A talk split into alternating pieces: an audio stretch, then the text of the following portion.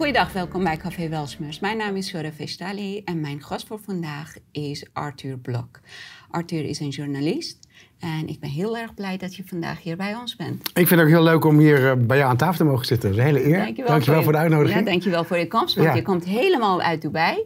Klopt, ja. Ik woon in, eh, in Dubai sinds 2014. Ja. Al een tijdje. En we gaan vandaag met elkaar hebben over Iran en ook situatie in het Midden-Oosten. Ja. En, ehm, maar voordat we beginnen, vertel ons een beetje over jezelf. Ik zal mezelf pitchen in een minuut. Kijk of dat lukt. Mijn naam is elevator pitch. Arthur Blok. eh, geboren in Beirut, 1976. Na zes maanden in Nederland terechtgekomen. Opgegroeid. Altijd gefascineerd geweest door zijn geboorteland. Ehm, ik geloof op mijn 21ste naar Libanon vertrokken. Aantal jaar gewoond. Voor de krant gewerkt. GPD-bladen destijds. En vanaf dat moment, vanaf 2001, 2002, is het een beetje mijn werkgebied geworden. Libanon, Syrië, Saudi-Arabië, Iran ook een aantal keer geweest. Dus ik vind het gewoon vanuit journalistiek perspectief heel interessant. Maar vooral ook persoonlijk, omdat ik er natuurlijk vandaan kom zelf. Oké. Dat, nou, dat, is, dat was een eh, bijna een minuut, denk ik, of niet? Ja, je hebt, eh, je hebt het heel goed gedaan. ik was eh, niet eens... heb je... Heb je Oké. ik heb nee, nee, de tijd niet bijgehad. Oké. Maar eh, je woont nu te- tegenwoordig in Dubai. In Dubai, correct, ja. ja. Ja, en je bent nu hier speciaal voor Welsmers? Ja, nou, vorige week was ik ook te gast in een andere uitzending eh, voor mijn, een, boek dat ik over Geert Wilders heb geschreven. Oké, en hoe heet je boek? Zo gek is het geworden. Zo gek is het. En het gaat eigenlijk om alle gekheid in Nederland rondom een persoon als Wilders of Baudet. Vul maar in. Of een omroep als Ongehoord Nederland of Café Weltsmerts. Eh, hoe het moment daarmee omgaat. De, zeg maar, we zitten in een, een maatschappij, in een samenleving... waar een bepaalde... geluid wordt gedemoniseerd. Nou, waar er heel spastisch op wordt gereageerd. Ja. En dat, en dat spasme dat wordt dan ge- geaccepteerd door een hele grote meerderheid. Dat is waar het een beetje over gaat. Dat je, als je, je mag best iets afwijkends vinden, toch? Dat Tuurlijk, was vroeger altijd. ja. Dat was het mooie van Nederland. Dat iedereen mag zeggen wat hij wil zeggen. Dat is dus verdwenen. En dat vind ik eh, ja, is een interessant fenomeen om naar te kijken en bij stil te staan. Mhm. Zodoende is dat boek over Wilders ook ontstaan. Zo gek is het geworden. Ik ga je boek lezen. Ja, nee, ik zou er eentje aan je geven. Ja, dankjewel. dankjewel. Nee, ik ben heel, eh, heel benieuwd. Ik heb het niet gelezen, maar ik ga het zeker doen. En, ehm, maar je, bent, je woont in Dubai Ja. en je bent ook een paar keer in Iran geweest. Ja, dat is eigenlijk in 2001, 2002. Toen werkte ik voor de geassocieerde persdiensten. Dat was een soort database voor alle regionale bladen in Nederland, zoals Tubantia, Dagblad van het Noorden, Fries Dagblad, noem maar op. Die waren verenigd in een ge- geassocieerde persdienst. Ik was de correspondent Libanon, Syrië en Iran. En toen waren er studentenprotesten, 2002 eigenlijk een beetje vergelijkbaar wat er nu er gebeurde. Iets. En daardoor ontstond een soort vonk. En dat, het sloeg over naar het hele land. En dat was in de aanloop naar nieuwe presidentsverkiezingen. En toen ben ik daar een aantal keer geweest eh, eh, voor die bladen. En dat vond ik heel, heel fascinerend. Een hele mooie reis waren dat. Om- Omdat ik... Kijk, ik had natuurlijk een, je hebt een bepaald beeld bij een land. Ja. En ik had een, Iran is een soort mythe. Ik, ik, ik kende Iran van Hezbollah in Libanon. Een militie, een beweging die financieel wordt gesteund door het regime in Teheran. En toen ik daar kwam, was ik aangenaam verrast. Maar niet alleen omdat ik de mensen zo vriendelijk vond en zo leuk. Maar ik constateerde direct al dat, er dus een, dat je dus het regime hebt en het volk. Ja. En dat, is dus, dat zijn dus twee... Dus, dus, hè, dat, goed, een regime in principe bestaat er bij de gratie van het volk. Maar in Iran had ik het idee dat dat niet zo is. Er is dus een regime wat heel strak de touwtjes in handen heeft. Op alle, op alle niveaus van de maatschappij. En je hebt een hele grote jonge bevolking die een beetje klaar is met al die regeltjes. Ja, en eigenlijk verplichtingen. 90% van de bevolking. Ja, dat eh, zeggen ze altijd, maar is het heeft echt gewoon- zo? Ja, ja, hij is gewoon echt, die heeft gewoon zijn weg eh, gescheiden van de overheid. Hè? Ja. Ze hebben gewoon, doe wat jij wil. Ja, maar hoe We kan het dan dat dan zo'n zo'n minderheid het voor het zeggen heeft over de meerderheid? Want als je dus nu kijkt. Dat zie je in elk land, toch? Nou ja, ja nou ja. China, kijk maar. Oké, maar dan hebben we toch wel, noem je wel een paar landen op. Maar kijk, Iran is toch, hoeveel, hoeveel mensen? 70 miljoen, miljoen mensen? Hoeveel Iraniërs zijn er? Ja, het is eh 70 miljoen mensen. En ehm 73% is jonger dan 35 jaar. Ook nog, ja. Ja, dus je hebt gewoon een hele jonge Ja. bevolking. Ja, en die, ja, je zou dus zeggen, als die allemaal de straat op gaan, dan kun je net zoveel politie en het leger hebben, maar kun je niks tegen doen, lijkt mij. Maar dat in, de, in de praktijk is het toch anders? Dat zie je Maar nu ook dat weer. gebeurt heel vaak, hè? Daar mensen gaan echt eh, heel vaak massaal de straat op. Maar eh, ze krijgen geen podium. En westerse eh, landen gaan gewoon door met, de met de ondersteunen van de overheid. Met, qua zakelijke deals, Ja. olie, eh, eh, contracten en zo. Ja. Zij houden de overheid staande. En mensen in Iran, ja, weet je, ze kunnen hoog en laag springen. Zolang dat de overheid erkend wordt door de rest van de wereld, Ja. dan kunnen zij het aan één kant niet wegkrijgen. Maar als je, als je kijkt wat er nu gebeurt in Iran, Ja. met de laatste golf van protesten. Die is al 40 dagen. Ja, en, en komt er iets uit? Want dat vraag ik me dus af. Hè. Kijk, ik bekijk dat. Ik kijk dan vooral als journalist en analist naar wat zijn de gevolgen voor de regio. Mocht dat regime vallen straks. Maar wat gebeurt er nu op de grond? Jij hebt, neem ik aan, contacten. ik heb dagelijks. Vertel het, dat wil ik graag weten. Dan draaien we de rol even om. Ja. Sorry. Nee, geeft niet. Maar, wat wil je weten? Nou, in, in- hoe, hoe- hoe staat het ervoor? Kijk, de Iraanse bevolking heeft heel erg lang gehoopt dat ze ook eh, steun krijgen van buitenwereld. Van de westerse wereld, van Amerika, Europa, grote machten. Dat is niet gebeurd. Waarom? Omdat al die overheden hebben baat van de overheid in Iran. Snap ik. Ze hebben allemaal zakelijke deals met elkaar. Kijk, ze zeggen in Iran dat ze bijvoorbeeld eh, anti-Amerika zijn. Maar alle kinderen en kleinkinderen van de leiders, ze hebben Amerikaanse paspoort. Allemaal. Allemaal. Ehm, tweede generatie, bijvoorbeeld kinderen en kleinkinderen van Khomeini. Geen één woont in Iran. Ze wonen of in Canada, of in Amerika, of Ja. in Engeland. Ze gaan wel af en toe naar het land. Ja, maar, sorry dat je onderbreekt, hè, maar jij zegt, we, krijgen geen steun. Wat, wat verwacht je dan? Dat, dat de Navy SEALs dan met een bataljon naar beneden komen en op straat dat in mensen... wat, hoe dan? boycotten. Nee, dat ze gewoon gebeurt geen deals sluiten. Nee, nee, nee, dat doen ze wel hoor. Kijk, zogenaamd liggen sancties op Ja. Iran. Maar ze verkopen de olie gewoon ehm, op de zee aan China. Ja. aan Rusland. India natuurlijk. India Ja. veel goedkoper. Ja. Maar dan, zij verkopen het ook door. Dus niks is geboycott. Ze zeggen we leggen sancties op Iran. Dat is, sorry dat ik het zo zeg, maar dat is bullshit. Het enige wat jij kwetst met sancties zijn de gewone bevolking die geen financiële middelen hebben om zichzelf te redden. Denk je dat de leiders van Iran s'avonds gewoon minder vlees of minder brood moeten eten omdat ze geen geld hebben? Nee, ze hebben hun eigen leven, ze hebben hun privévliegtuigen, Ja. ze leven als god en godinnen. En de enige die armer en armer en wanhopiger en zwakker en afhankelijker wordt, zijn gewoon de gewone bevolking op straat. En nu hebben mensen de punt bereikt dat ze zeggen: we hebben Genoeg niks meer genoeg. te verliezen. Ja. Dus of gaan we langzaam en leidend dood, of gaan we in één keer dood. En dat is waar ze nu mee bezig zijn. 40 dagen lang, 40 dagen lang. Talloze mensen zijn doodgeschoten, doodgemaakt, verdwenen, Ja. gemarteld. En Maar gaan nog steeds door. ze Dus gaan nog steeds door. Het is niet zo dat het nu Dit stil op keer straat is is. het gewoon zoiets, weet je... Het, wij, wij, zeggen- wij hebben in Iran zo'n gezegde, die zegt nou... water is nu boven ons hoofd. Dus we kunnen gewoon blijven staan en doodgaan. Of we gaan de eh, straat op. Stikken, of we gaan gewoon Ja. proberen te springen. Misschien worden wij gered, kunnen wij ons redden. En, eh, dat, Doet maar- pijn, dat doet pijn ook zeker als je dat vanaf hier moet meemaken, of niet? Het doet heel veel pijn bij mij. dat snap ik wel, ja. Normaal gesproken heb ik nooit last van eh, vermoeidheid of weinig energie of zo. Ja. Maar laatst, kijk, ik, doe, ik, ik ben niet daar. Ik ben hier. Maar mijn hart, mijn ziel, mijn, mijn hoofd, alles. Ja, maar dat begrijp, dat begrijp ik heel goed. Als er iets in Libanon Ja. gebeurt, dan kan ik daar ook soms niet van slapen thuis. Ik word ook gelijk zenuwachtig. emotioneel. Ja, nee, maar dat, dat, dat gevoel begrijp ik heel goed. Kijk, is toch je land waar je vandaan komt, daar hou je van.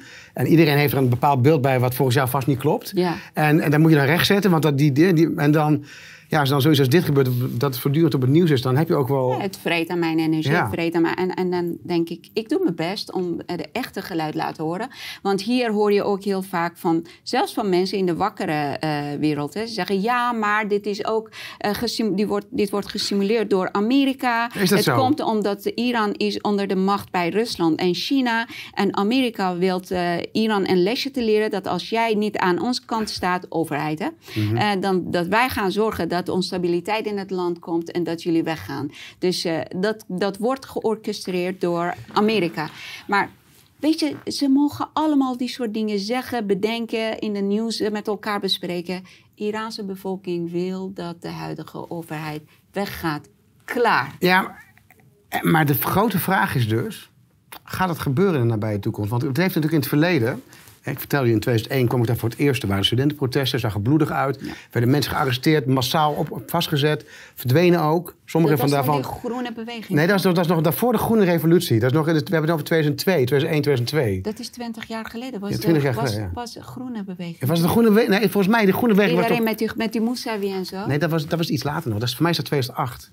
Is Maar dat ik? Ja, dat denk ik. Volgens Ja. mij, of, of je moet helemaal naast toen werd de verkiezing gestolen, hè? Ja, nee, dat, is, dat is wat er werd gezegd, ja. Dat werd gesuggereerd. Maar het gaat er dus om, kijk, dat je dus in een... Het, het gebeurt steeds niet. En ik snap wel dat, dat, dat, dat mensen het heel graag willen. Ik maar heb- misschien heb je ook wel hulp nodig van buitenaf... om te zorgen dat het ook daadwerkelijk dat regime valt. Ja. En als het valt, wat dan? Is er iemand die klaar Dat is staat? niet aan jou Nee, en dat is aan mij, Ja, dat aan, ook de, wel. aan de westerse overheid om dat vraag te stellen. Hè? Ja, ik dat vind het wel is niet aan interessant- ons. ik vind het wel interessant Snap te ik, wat- Snap ik. Iran, je zegt waarom die vorige opstanden geen resultaat hebben gehad. Nou, ten eerste omdat Iraniërs toen helemaal geen voice kregen in de buitenwereld. Niemand wist dat het daar zo heftig aan toe is. Of dat het zo heftig is daar. Dat mensen massaal worden werd gemodereerd ook nog in de pers. Ja, de- je hoorde niks. Nee. Eh, misschien heel af en toe gewoon twee seconden. Ja, Iraniërs zijn de straat opgegaan omdat ze geen brood hebben of omdat alles duur is. Dat is hem.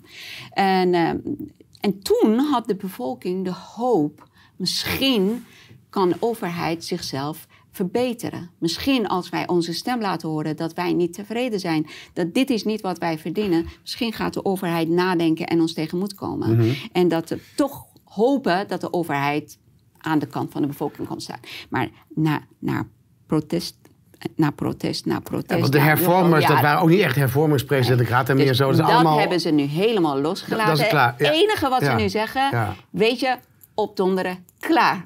We willen jullie niet meer. Maar wat is het alternatief? Kijk, want ik bekijk dat, ik zou je vertellen als journalist. Wat voor gevolgen heeft dat voor de regio? Ik, ik, ja. ik, ik werk Daar dus- wil ik heel graag met je verder Nou, over ja, daar wil ik- daar ik iets over Maar je vraagt, Ja, wat is het weten- alternatief? Ja, wat is alternatief Kijk, volgens jou? Er zijn heel veel rare groeperingen die dat eh, beweging naar zich toe willen trekken. Juist. Eh, Marxisten. Die staan nog wel eens op de Dam, hè, geloof ik, de Mujahedin. Zijn ze te demonstreren voor... Nou, ze proberen elke keer de be- beweging kapen. Ja. Want als mensen, de Iraanse mensen, misschien heel veel mensen die naar ons luisteren zeggen: nee, wat zeg je nou? Ja. Maar mensen die in Iran wonen, 90% van de mensen die in Iran wonen, die willen en ze roepen de zoon van onze laatste koning om terug te komen. Dus ja, ze en willen gewoon de familie Pahlavi, Reza Pahlavi. Reza. Ze zeggen, kom terug. Ja. Wij hebben wat wij jullie hebben aangedaan, of wat onze ouders hebben jullie aangedaan, was onterecht. Het was niet een revolutie, het was een machtsovername. Wij willen jullie terug. Want eh, vader Is dat en echt zo? Of is dat, gewoon een, is dat weer een Ja. van de bevolking dat vindt? Is dat, dat zou interessant zijn. machtsovername is het een hele vieze, bloedige politieke spel geweest. Ja, dat eh, die allemaal met olie en. Mhm. geld te maken had. En ehm, dus dat is een hele aparte verhaal. Misschien gaan we een keer verder erover met elkaar praten. Andere uitzending dan, denk Ja, ik. maar nu is het dan. nu is het. eh nou, Mujahideen zeggen. Oh, nou, wij komen naar Iran. eh, weet ik veel. eh, Marxisten zeggen. Wij komen naar Iran. Iedereen zegt wij, wij, wij. Maar Iraniërs laten het echt niet meer toe. Ik heb volledige vertrouwen. Terwijl dat ik tot een aantal maanden geleden. had ik geen hoop meer. Nee. Want ik zag een land die tot op de bodem kapot is gemaakt. Mensen waren vernederd, vernietigd, Ja. zwak gemaakt. Dus ik was de hoop kwijt. Ja, het lijkt en soms nu wel- ineens, Arthur, kracht. Die, Genius uit de bottle. Ja, dit is- oh, is geest zo- uit de fles. Ik heb echt, ik, Ja. I salute them. Ja, maar ja, het is natuurlijk wel interessant. Kijk, wat jij zegt is van frappant. Kijk, de, de Iraanse bevolking heeft zwaar geleden de afgelopen jaren. Terwijl Iran zich in de, in de regio profileert als een grote geldschieter van bewegingen als Hezbollah... om de Houthi-milities in, in Jemen te sponsoren. De oorlog in Syrië. Daar is flink wat wapenarsenaal en, en support van de revolutionaire garde naar Assad gegaan... om hem te helpen. Dus dat is wel een beetje een padstelling. Dus aan de ene kant heb je een vo- bevolking wat niks, niks heeft... En boos is. En in de regio is een soort regime wat laat zien... nou, er is geld genoeg. Hier Iran, heb je nog Iran wat... eh, is een verschrikkelijk eh rijk land. Ja, En dat is ook een reden ja. dat alles, je Ja. hebt alles daar. Beste caviar, goud, olie, tapijt, safran, eh, vlees. Alles, goud, Mhm. zilver, eh, gro- grondstoffen.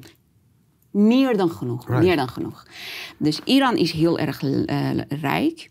De overheid die daar zit is een poppetje die wordt ges- eh, gestuurd door? Rusland en China.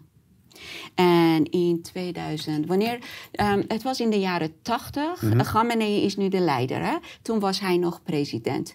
Hij werd uitgenodigd naar Noord-Korea. Oké. Hij is naar Noord-Korea gegaan en ze, wat hebben ze daar met elkaar besproken? Niemand weet wat precies, maar Noord-Korea heeft mensen meegestuurd om Iran te begeleiden in ontwikkelen van nucleaire wapens. En dat werd echt met heel veel eh poespas aangekondigd. Maar wat, kijk, En ze zeggen nu dat Rusland koopt, weet ik veel, drones uit, van Iran. Iraanse drones, ja. Geloof je dat? ja. Rusland is tweede grootste eh, macht in de wapenindustrie. Geloof je dat Rusland gaat drones kopen uit Iran? Wat is Nee, je- ze wat is zijn punt? allemaal, ze worden, kijk, ze zijn allemaal voor hun eigen veiligheid. Rusland en China Ja. hebben hun eh, macht en kennis in Iran gelanceerd. Wat Iran doet, is eigenlijk alleen maar monteren. Ze krijgen alles van hun. Ze Mhm. Maar monteren wat is, je, het. wat is je punt? Ik snap, ik bedoel, wat, Nee, je zegt zeggen? dat eh, de Iran eh, financiert eh Hezbollah en Lebanon. Dat, dat is waar. Want Iran maar heel heeft veel andere groeperingen ook. genoeg- Ook Hamas, kijk maar wat ze Ja. allemaal doen. Ze hebben Geld genoeg, genoeg. geld. Niet voor hun eigen bevolking. Juist. Want de bevolking is echt arm. Ik zie Nee, ook is het echt zo? ja? ja, mensen, mensen verkopen hun organen om te kunnen eh, leven. Je hebt in Iran een hele dunne laag van extreem rijke mensen. Ja. Die zijn mensen die bij elites en de macht horen. Die heb je overal. En de rest heb je gewoon extreem rijke mm, bevolking. Ja. Kinderen die Arme op straat... bevolking, ja, echt. En dat is ook wat, wat... Die parallellen zie ik ook hier in Nederland. Nederland is niet een arme land. Die is een rijke land. Me- maar mensen in Nederland, bevolking wordt steeds armer en armer. Maar dan tegelijkertijd stuurt de overheid miljoenen naar Oekraïne. Ja, ik snap het ook niet. Nee. Dat is precies dezelfde policy. Maar je dus- kiest ervoor om je eigen bevolking Arm de, de broekriem laten aan, als een mooi woord. Ondertussen stimuleren we, ja. ja, met de honderden miljoenen stimuleren een buitenlandse oorlog waar we eigenlijk niet zoveel mee te maken Nee, hebben. en precies. Ja, En in Iran was mensen zeggen het ook als een soort pijnlijke eh, ehm, eh, grap. Ze zeggen als bijvoorbeeld een aardbeving gebeurt in Libanon of in eh, eh, Syrië of zo. Mhm. Weet je wat Iraniërs zeggen? Oh, nou, die mensen hoeven zich nergens zorgen over te maken. Want eh, ja. nee, nou, Iraanse overheid eh, stuurt morgen meer dan genoeg eh, geld daar. Maar zo profileren ze zich inderdaad in Libanon. Ja. Oh, er is iets aan de hand. Maak je geen zorgen. zijn er Hebben jullie geen stroom? Is er geen eh, olie? Wij sturen deze week nog een schipje die kant op. Terwijl je- dat mensen in Iran...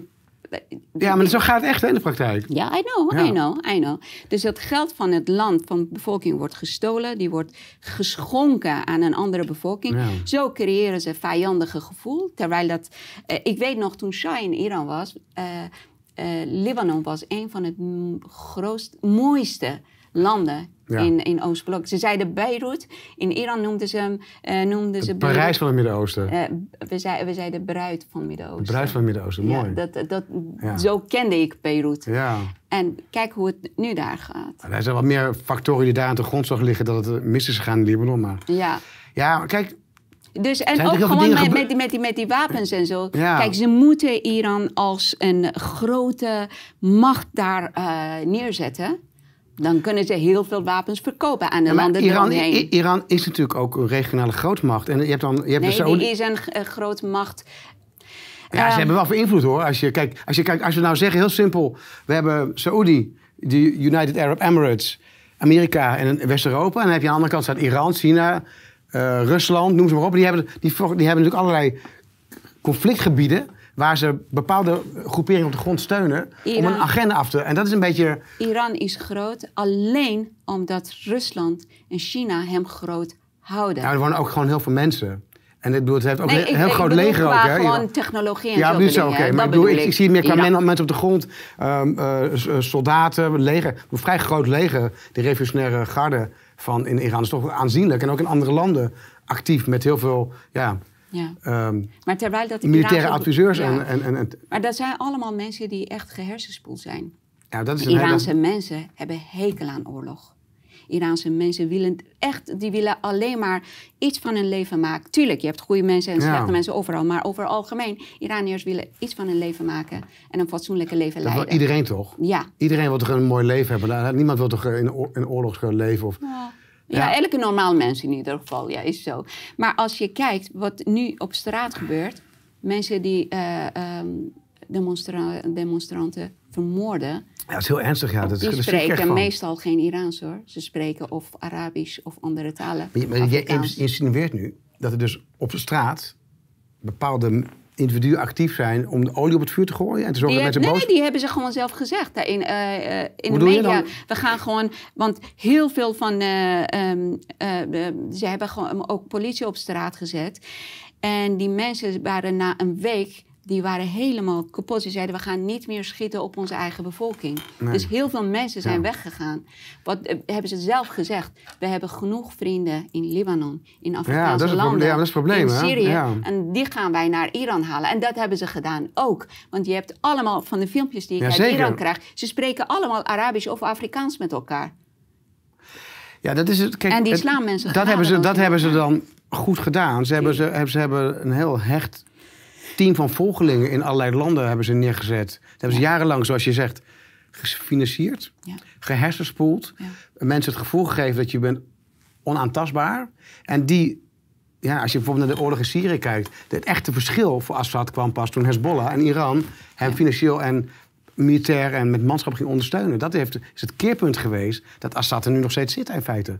Nou, als je zo machtig bent... Dat je dus groeperingen in andere landen op de grond hebt die namens jou dingen kunnen. En dus nu, nu een crisis in eigen land hebt, hoef je maar te bellen en ze komen. Ja. Gaan vliegtuigen vol Ja, vanuit Beirut ja. elke dag naar, naar Teheran toe om, om, ja, Ja. om de straten te beïnvloeden. Mhm. En dat is vaak niet op een positieve manier. Nee, absoluut niet. Je wil niet weten wat voor eh gruwelijke dingen Ja. daar gebeuren elke Ja, dag. Maar dat zie je, dat, gek genoeg zie ik dat niet op het journaal hier in Nederland ook. Nee. Je ziet het wel als je naar... Je ziet wel mensen die gewoon twee centimeter van hun, eh, Ja. een plukje van hun haar eh, knippen. En dan denken ze dat ze gewoon echt hun plicht hebben. Kijk, het is wel mooi dat je aandacht vraagt, maar doe het op een fatsoenlijke manier. En als je iets doet, eh, als je iets zegt, je woorden en je gedrag moet bij elkaar matchen. Mhm. Je kan niet iets symbolisch doen en dan de rest van de tijd tegenover acteren, gaat acteren. Dus, Ja. Maar wat, wat denk jij dat, ehm, dat de invloed van de onrust in Iran is in de Midden-Oosten? Nou ja, Op de Midden-Oosten. kijk, ik denk dat heel veel landen... is een beetje zo handen vrij van... nou, dat gaat lekker mis, hè? Zo, als je bijvoorbeeld naar Saudi-Arabië kijkt... de grootste concurrent in de regio... om, om zeg maar de regio naar hun hand te zetten... is natuurlijk Saudi-Arabië. Daar, daar, die zitten ze nu stil te kijken naar wat er gebeurt. Die denken van, hé, hey, een revolutie of een opstand... wie weet valt het regime wel. Want kijk, Denk je dat die regimes met elkaar geen... eh, Ja, ik denk zeker dat er contact is met elkaar, maar ik denk dat er een punt is beland. Net wat jij schetst, het beeld. In Iran is al zo lang armoede. De sancties, die hebben eigenlijk alleen maar het effect gehad dat de mensen Ja. minder hebben. Dat is in, Rusland ook. De- Poetin heeft geen last van de sancties. En Zijn Rutte mensen- ook niet. Nie- niemand. Het gaat om de mensen. Die, die Ja. voelen het. Wij voelen hoge energieprijs. De mensen in Iran die hebben geen kans, hebben geen eten. Terwijl, kijk, als je, als je naar van de positie van Saudi-Arabië kijkt, dan denk ik dat het iets is. Ja, die hebben in het verleden een aantal keer geprobeerd met het regime aan de tafel te zitten. Dat is er nooit van gekomen, wat voor politieke reden dan ook. Maar ik denk dat zodra er een, dat het regime valt, dat Saudi daar inspringt.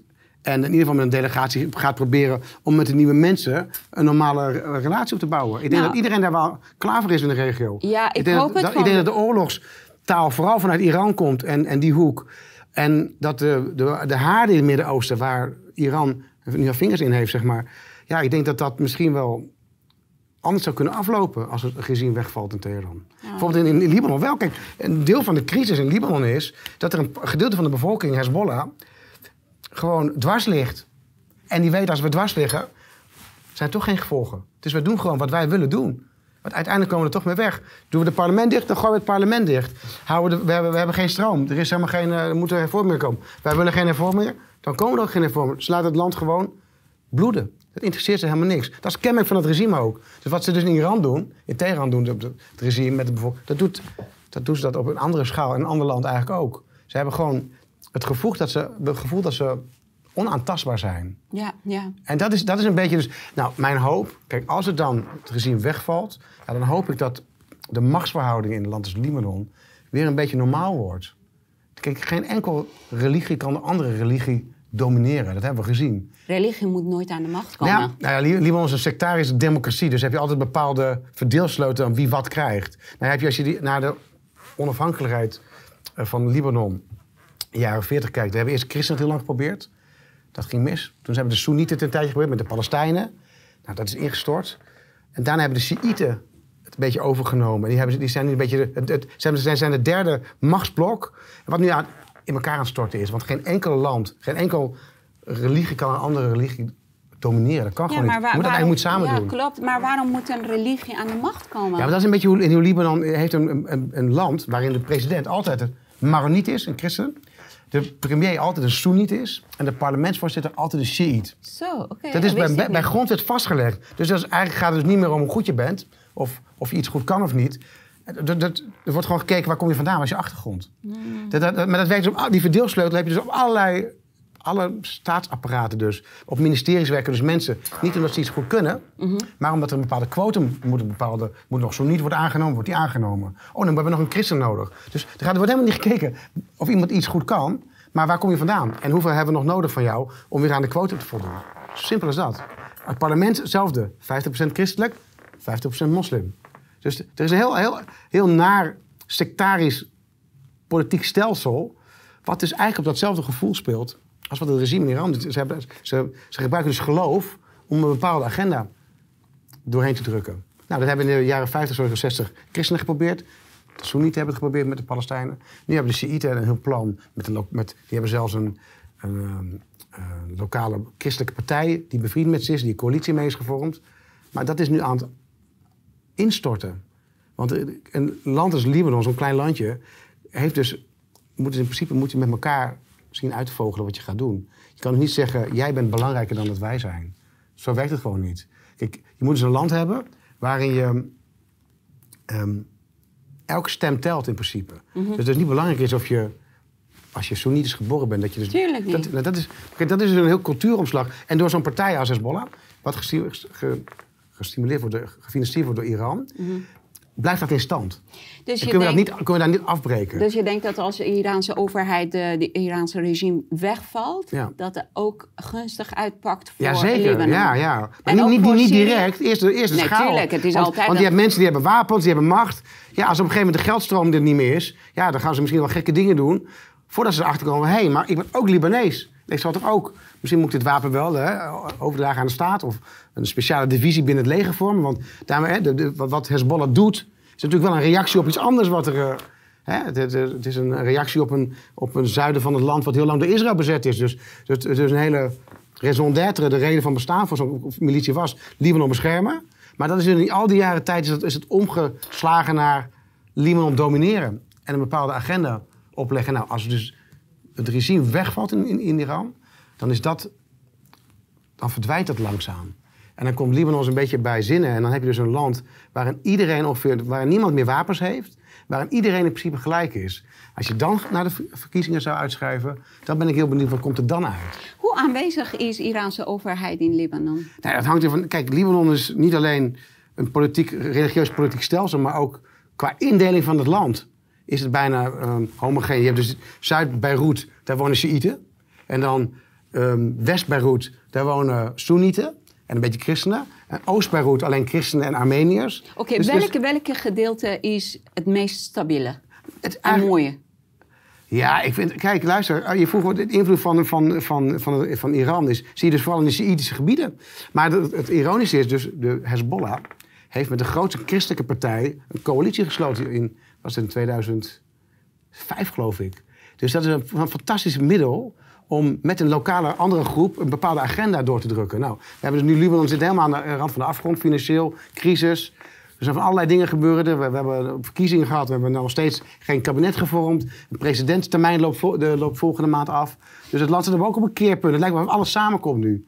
Dus ja, het is heel interessant om, om te zien als er zoiets als dat wegvalt. Ja, wat er dan gebeurt in Libanon. Dat, is, eh, dat houdt me ook bezig, ja. Ik denk dat de houdbaarheid van, eh, van ayatollahs en mullahs voor de westerse wereld is, eh, is klaar, denk ik. Ja, dat het- het gevoel krijgen. we zijn, we, zitten, we zijn een punt aangekomen, denk ik, in de geschiedenis... dat je kan zeggen van ja, ze hebben het heel lang hebben ze gedaan. Het ging een tijdje goed, groeide. Op een gegeven moment brokkelt het af en stort zo'n... Het ging nooit goed. Hè? Misschien Ja. voor buitenwereld. Ja, nou lijkt het goed, zo. kijk, voor, vanuit hun perspectief dan. Dat bedoel ik Mm, meer. ja, ja, Hè? Ze hebben hadden thuis in handen, ze hebben geld, ze zetten milities op, ze trainen mensen. In andere landen die, die, die hetzelfde ideeën en gedachten hebben. In dat opzicht hadden ze het. Maar op een gegeven moment, het moet meer zijn dan dat. Mhm. Als, je mensen, als mensen geen eten en drinken hebben en geen toekomstperspectief, worden ze boos. Ja, Nou, dat hebben ze jarenlang en zijn ze in staat geweest om het koers te houden. Maar dat is nu voorbij. Dat zie je in alles. Ja. Ook in Libanon. Ook, ook in Libanon, maar ook in Syrië zeggen mensen ho ho. We hebben, we- ons, al ons geld is weg. We hebben geen toekomst meer. We hebben geen, we hebben Maar geen Iran waardigheid onderhoudt meer. Lib- eh, Libanon, toch? Zeg je? Iran onderhoudt Nou ja, Libanon. nou ja, nee. Maar wel de mensen die hun volgen. Ah, Dus het is zo'n staat in de staat. Dus als jij pro Hezbollah of pro christelijke partij bent waarmee ze een deal hadden, dan is het goed. Maar ben je daartegen, ja, dan heb je het minder goed. Zo simpel is het. Het gaat om alle lagen van de bevolking. Dus wegen aanleggen, bruggen, eh, Ja. infrastructuur, geld geven voor mensen om bepaalde dingen wel of niet te doen of, of de straat op te gaan. Dus dat is heel goed georganiseerd. I mean, heel goed in de zin van, je kan ook iets naars op een heel goede manier organiseren. En daar zijn ze echt in geslaagd. En, en dat valt allemaal weg straks als zo'n regime instort. maar denk je dat Ook in ze- Jemen. Ik bedoel, je kan ook in Ja. andere landen. Heel veel andere landen ook waar. En, en in, in Syrië ook. Nou, ik ben benieuwd wat Assad wat er, wat er gaat gebeuren als zijn Iraanse vrienden niet meer zijn. Nou, ik denk dat Syrië nog steeds door Rusland wel. staande wordt gehouden. Die hebben ook wel een Want als. Iran wegvalt en als Syrië wegvalt, dan wordt het een hele zware klap voor Rusland. Maar ik denk dat Ayatollahs in Iran nu een hele moeilijke eh, keuze hebben om te kiezen tussen of Amerika of Rusland. Terwijl dat, dat de bevolking, die wil ze ook gewoon weg hebben. Dus maakt niet uit voor wie ze kiezen, dan hebben ze alsnog twee grote machten die ze weg wil. Ja. Als ze kiezen voor Rusland, dan is het, hoop ik dat Amerika en, en ja, bevolking sowieso wil ze weg hebben. Kiezen ze voor Amerika, dan hebben ze Rusland. En Dan krijg je, dat, dan krijg je die strijd weer eh, op de grond. ja. Maar Maar ja, jij zei net, de, de zoon van de Shah. Is, Ja. is, maar is hij ook echt populair? Is, ik bedoel, heeft hij, eh, heeft hij honderdduizend of miljoenen Iraanse volgers bijvoorbeeld? Die, hij zegt die- vanaf de dag één, die zegt, ik ga never ik ben geen koning van het land. Ik, ben, ik sta achter jullie. Ik ga proberen een gesprek aan te gaan met die alle leiders in de wereld om te eh, benadrukken dat het is heel erg belangrijk dat zij nu de bevolking niet in de steek laten. Jullie zorgen dat Ayatollahs weggaan en dan gaan jullie zelf bepalen wie jullie geschikt vinden Ja. en willen als de leider van het land. Dat zegt hij Dat zou een goede tussenoplossing zijn, denk ik ook, Het toch? is echt een hele goede. Kijk, Ja. als je goed kijkt, hè, zijn, zijn vader en zijn oom, opa, die toen zijn opa aan de macht kwam in Iran, Iran was echt een achtergebleven land. Ja. Geen enkele vrouw kon lezen en schrijven. Ze mochten niet eens naar school. Elke man mocht vijf vrouwen hebben. Vijf is dat veel inderdaad. Ja, hè? dat is moeilijk om te onderhouden. nee, maar echt het hele land, iedereen topte met ziektes, armoede. We hadden geen wegen, we hadden geen enkele auto's in het land, niks. Maar dat heeft de Shah dus ook niet goed gedaan. Dus, dus die- Waarom? die- nou ja, als je zegt net toen de Shah er was, was het niet Nee, situatie. toen, toen zijn eh, opa aan de macht kwam. Ah, oké. En hij heeft in twaalf jaar tijd, die heeft ehm, studeren voor vrouwen verplicht gemaakt. Want toen was het voor mannen heel moeilijk om, dat, eh, eh, om daarmee akkoord te gaan. Dus het. hij zei, alle vrouwen kunnen naar school. En mannen gingen, nee, dus vrouwen zijn onze Dus het ging gewoon snel eigenlijk. Nou, hij zei op, eh, na, na vijf jaar, zei hij, weet je wat? Het is niet meer dat jullie, of jullie willen jullie dochters of vrouwen naar school gaan. Elke vrouw, elke meisje in Iran moet vanaf haar zesde naar school gaan. En eh, vrouwen liepen allemaal in boerkas toen. Helemaal boerka, echt alles moest dicht. En hij zei, ja, vrouwen mogen ook zonder bedekking op straat lopen. Maar vrouwen waren nog steeds te veel onder de, de indruk Mhm. van mannen. En mannen vonden het een zware deuk op hun eer. Om Maar is, is dat in. Teheran ook zo? Was het, was Het hele zo? land was Want als je naar Riyadh kijkt, bijvoorbeeld in Saoedi-Arabië, dat was vrij mondain. Voordat die revolutie... eh, Nee, maar over wanneer heb ik het? ja, nou ja, Over jaren... ehm, het is nu... 60, 70? Nee, nee, nee, nee, nee, nee. eh, over 90, 100 jaar geleden. Oké. Toen Oké, dat is een andere toen- periode, ja. Je kent Shah, toen wegging uit Iran. Ja. Zijn vader was de eerste uit die familie die aan de macht kwam in Right. Iran. Toen hij aan de macht kwam. Dus we hebben het echt over 90 of 100 jaar geleden. Dus Iran was echt een zwart, arm, achtergebleven land. Mhm. En hij wilde gewoon een moderne land maken van Iran. Dus hij zei, weet je wat? Jullie laten vrouwen niet zonder boerka op straat eh, gaan lopen. Ik maak boerka verboden. En dus twaalf Van het jaar... ene uiterste naar het andere uiterste. Ja, want hij Ja. kon die mentaliteit niet wegkrijgen. Hij heeft wegen afgelegd, eh, gelegd. Hij, hij heeft onderwijs verplicht gemaakt. Hij heeft eh, landelijke zorg geïnstalleerd. Hij heeft eh, in militaire diensten, of Iraanse militaire dienst een vorm Oké, gegeven. snap het, ja. Na twaalf jaar moest hij weg van Engeland. En dan kwam zijn zoon aan de macht. En zijn zoon zei: Oké, nu weten jullie dat als jullie vrouwen zonder hoofddoek op straat loopt, gebeurt niks. Dus nu mag iedereen kiezen: wil je hoofddoek dragen of niet? Maar eh, school en education was nog steeds verplicht. Eh, studeren was zelfs gratis. Tot, maakt niet uit tot je honderdste. Je mocht gewoon gratis studeren. Ehm, energie was bijna gratis. Je bepaalde, betaalde een paar centjes per half jaar. Eh, zorg was gratis voor iedereen. Dus hij, ze hebben echt het hele land echt een enorme boost gegeven. Right. En toen kwam die machtsovername. En het ging bergafwaarts met, met het land. Twee jaar na de revolutie zag bevolking... Ik, ik, ik één vraag. Hè, want- Ik wil dit even Ja, afmaken. dan- dan Twee we jaar vragen. na de Ja. revolutie zag de bevolking na de machtsovername. Die zei, jeetje, maar wat hebben wij gedaan? Dit is niet wat we wilden. Dit is niet wat ons beloofd is. Precies. Dus ze, ze begonnen te protesteren. Wat gebeurt er? Oorlog tussen Iran en Irak. En Dat is de overheid dat is wat- zei... ja, dat- zei, weet je, je- we mogen gewoon, weet je, er zijn wel problemen, dat snap ik. Maar we moeten nu het land verdedigen. Dus iedereen ging gewoon acht jaar oorlog. Ja. Had Iran gehad met Irak. En dat is ook wat ik hier zie. Nu zijn mensen het zat en ze zeggen, nou, we willen niet meer meedoen. Oorlog, Ja. oorlog in Rusland is onze oorlog. Oorlog we moeten, ja, we moeten.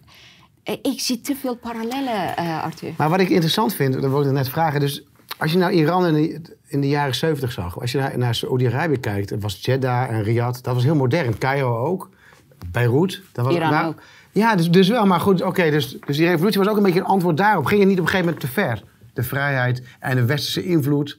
En dat was ook een van de triggers toch, om, omdat het religieuze establishment zei van, nou jongen, dit kunnen we niet Nee, doen. maar zeg. als dat, dat de reden was, waarom, waarom he- is dat niet gebeurd met eh, Saudi-Arabië? Of waarom is dat niet gebeurd met Kuwait? Of Ja, omdat het hele strak georganiseerde landen zijn. Heel, Iran was, kijk, toen Iran heel erg georganiseerd was, Mhm. eh, had Dubai misschien één straat hoor.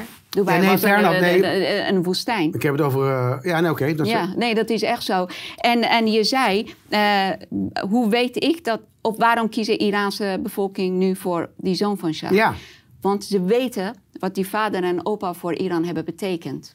En hij is een zoon van hun. Die, men, Zo wordt het nog steeds gezien een beetje. hè? Dat is de cultuur ook. Van, ja, Ja. Dan moet hij het maar doen. En zij zeggen, wij hebben jullie tekort gedaan. Het spijt ons. Wij waren ondankbaar. Maar zijn er nog vermogende mensen bijvoorbeeld? Hebben, die nog, hebben ze nog bezittingen, een paleis of zo? Is het Niet allemaal... veel. Nee, alles is in beslag genomen. Nou, ze hadden niet zoveel die- eh, eh, paleizen. Oké. Als, je, als je volgende keer in Iran bent, Ja, ga gewoon naar die paleizen kijken. Je ziet gewoon tien keer mooier en betere huizen hier Ja. in Nederland dan het paleis van de Shah. Vrij simpel dus, oké. Maar eh, ze hebben gewoon heel veel van hun bezittingen in beslag genomen. Tuurlijk, koning van een land moet vermogend zijn. Ja. Dat is ook status van het land. Ja. Maar ze hebben niet heel veel. Nou, volgens mij 63 miljoen eh, dollar is hun bezitting, wat het, eh, wat laatst is bekendgemaakt. Oké. Ja, dat is, dat is voor, voor het koningsniveau vrij bescheiden. Voor een koning die Ik zijn vader en zijn opa 50 jaar lang keihard gewerkt hebben voor een land. Ja. Nee, maar echt als Maar je, die je, je familie praat er met weemoed over bij, met zo'n zo'n emotie dat je denkt van... Ach, als het nu maar snel, als het nu maar snel terugkomt... dan hebben we nog een beetje hoop dat we eruit komen. Het breekt mijn hart als ik denk hoe Iraniërs konden leven nu en waar Iraniërs nu zijn. Dat is pijn, hè? Er zijn zoveel miljoenen levens kwijtgeraakt door stomme, vieze politieke spelletjes. Ik ben vrienden kwijtgeraakt. Er zijn jonge, brave soldaten die hun land gingen verdedigen en zijn nooit meer teruggekomen. Zo, alsof levens van mensen is niks waard. Alles voor macht en politiek. Helaas dat wel, doet ja. pijn bij mij. Ja. Het doet pijn bij mij dat wij een oorlog moeten vechten. Die is in opdracht van mensen die elkaar kennen. En die willen niet met elkaar een gesprek hebben. Dus moet en jij- en ja. onze, onze jongens moeten dat gaan uitvechten. Het doet pijn bij mij. Het is wel simplistisch, maar het is wat het is inderdaad. In- Dat is gewoon zo. Dat is zo, ja. Oor, wat is een oorlog? Twee soldaten die in oorlog tegen elkaar vechten. Misschien als ze elkaar in een vakantie tegenkomen, misschien worden ze beste vrienden van elkaar. Dat weet je nooit. Nee. En oorlog begint als communicatie stopt. We Ja. moesten allemaal mondkap dragen, we moesten afstand houden. Communicatie is verstoord. En eh, ja, het doet heel veel bij mij. En Ja. ik zie nu ook dat dagelijks jonge mensen van, van mijn moederland in, in, Ja, dat in zie ik. snap, gaan. ik snap heel goed dat het pijn doet jou. Ja, dat je, en, en, en, ook dat, het, dat je machteloos bent om niets aan te doen. Het liefst zou je op een vliegtuig stappen en erheen gaan en medestraat op lijkt me, of niet? Tuurlijk, als ik dat, dat, dat kon, had ik het zeker gedaan. Ja. En, eh, maar als ik kijk hoe braaf die mensen elke dag de straat op gaan... terwijl dat ze niet eens zeker weten of ze terugkomen. En zijn allemaal jonge mensen. dapper, hè? hè? Allemaal geboren vanaf 90 en later. Ja. Ze hebben vrijheid nooit meegemaakt. Of het is gewoon meer een woord op papier. En ze willen hun. Kijk, je, je zag de hele wereld uit angst voor een virus. ging twee jaar lang thuis zitten en mondkap dragen. Maar daar gaan mensen de straat op en ze weten niet eens of ze s'avonds terugkomen. Moet Zie je contrast? Ja, dat is, zie ik absoluut. Dat noem ik kracht. Dat noem ik, Ja. dat noem ik respect. Dat noem, het, het, is, het is Nou, bijzonder. ik, ik hoop echt dat het dat dit keer ook echt wat gaat veranderen. Want dat is een beetje de kenmerk van de afgelopen dat ze 20, 30 doodbloeden. jaar. Dat er heel veel mensen geslachtofferd worden. Maar en dat niks verandert. Uit, de- uit de fles. Ja, dat zeiden we toen ook. Nee, nu gaan ze de- gewoon zonder enkele angst op straat roepen: Ga maar niet, je moet dood, we willen Ja, je dood wel- hebben. Pas maar op, als wij jou vinden, Ja. dan weten wij hoe wij met, wat wij met je willen doen. Ja. En ze gaan die foto's allemaal in de fik Ja, steken. dat gebeurt niet zo vaak, het is hè? Gewoon, Dat is echt, eh, Angst is weg. Angst is weg. Respect. Sinds in de afgelopen 40 dagen. Normaal gesproken, als je op straat liep, je bent een paar keer in Iran geweest, je zag regelmatig tapijten nog mensen. gekocht zelfs in de bazaar. Oh, mooi hè? Ja, maar ik- achteraf kwam ik achter dat ik veel te veel heb betaald. Oh, je bent. Dat is een beetje ook... eh, Ja. Ja, dat doen ze ook Ja, daar. Dat doen ze willen verdienen. Nee, maar ehm, je, je hebt waarschijnlijk, je zag heel veel Ayatollahs in zo'n eh, Ja. kleding eh, op straat lopen. In de afgelopen 40 dagen, je ziet niemand in zulke kleding op straat lopen, want mensen gaan die mensen aanvliegen. Ja, ze zijn niet meer veilig. Ze zijn niet meer veilig. Geest is uit Maar hoe, fles. hoe, lang houden ze het vol nog, denk je, dat regime? Kunnen ze lang uitzitten, hè, dit? Als ik, eh, kijk, ik hoop dat ze niet doodbloeden. En als ik eh, de berichtgeving die ik rechtstreeks van mensen krijg, geloof. Ze zeggen, we gaan zo lang door tot we ze wegkrijgen. Of ze dat gaat lukken, of als, eh, of ze verdrinken in hun eigen bloed, dat weet ik niet. Nee. En dat is waar ik bang en verdrietig voor ben. Ja. Want hoe langer het duurt, hoe meer slachtoffers. En dat is uiteindelijk... eh, daar is uiteindelijk niemand bij gebaat. Maar ja, een revolutie is altijd bloedig. Als je van, iets, van het een naar iets anders over wil gaan... Als je naar de geschiedenis kijkt, naar allerlei eh, revoluties... gaan er heel veel mensen, heel veel onschuldige mensen... Inderdaad. En er is geen enkele revolutie die eh, wint zonder hulp van buitenwereld. Eens, Dat hebben ze nodig. denk het ook. Zullen we nog een keer hierover verder praten? Ja, ik zou het ja, heel leuk vinden. Ik heb voor mijn gevoel zijn we net begonnen, we zijn weer een, bijna een uur bezig, denk Volgens ik. mij we zijn ook een Ja, uur laten we dat doen, ja. Ik Ja. ben eh, wel weer een keertje in Nederland. Ja, Heb ik je wel. is goed. Maar heb je nog iets dat jij met ons wilt delen? Nou, nee, ik vind het gewoon, kijk, ik vind het heel interessant om jouw, jouw mening hierover te horen. Want kijk, net als heel veel mensen in Nederland, de, mijn nieuws uit Iran, dat krijg ik van Ja, de media. ja, ja tuurlijk. En het is altijd leuk als je iemand kent die, die, die in contact staat met mensen op de grond. Ja. En dat maakt het wat authentieker. Dat heb ik heel. Ik, krijg me heel snel al dood als er over Libanon bepaalde verhalen de wereld in worden geslingerd die niet kloppen. Ik denk van, hé, hey, ho, ho. Het ligt wel genuanceerder. Dus dat, dat opzicht vond ik een heel prettig gesprek. En ik denk dat we het gewoon nog een keer moeten doen. Ja. En dan, dan hoop ik dat we hier eh, een eh, gesprek hebben over hoe de revolutie is geslaagd. Zullen we dat afspreken? Dat doen Doen we zeker. Ik hoop echt. Ja, oh, je ook. deed wat met mijn hart hoor. Je van harte. Dankjewel. Dank jij wel. Dank je. Dankjewel voor je komst en graag tot volgende keer, Arthur. Ik hoop zo. Lieve mensen, bedankt voor het kijken. En laten we maar hopen dat mensen in Iran winnen. Fijne dag.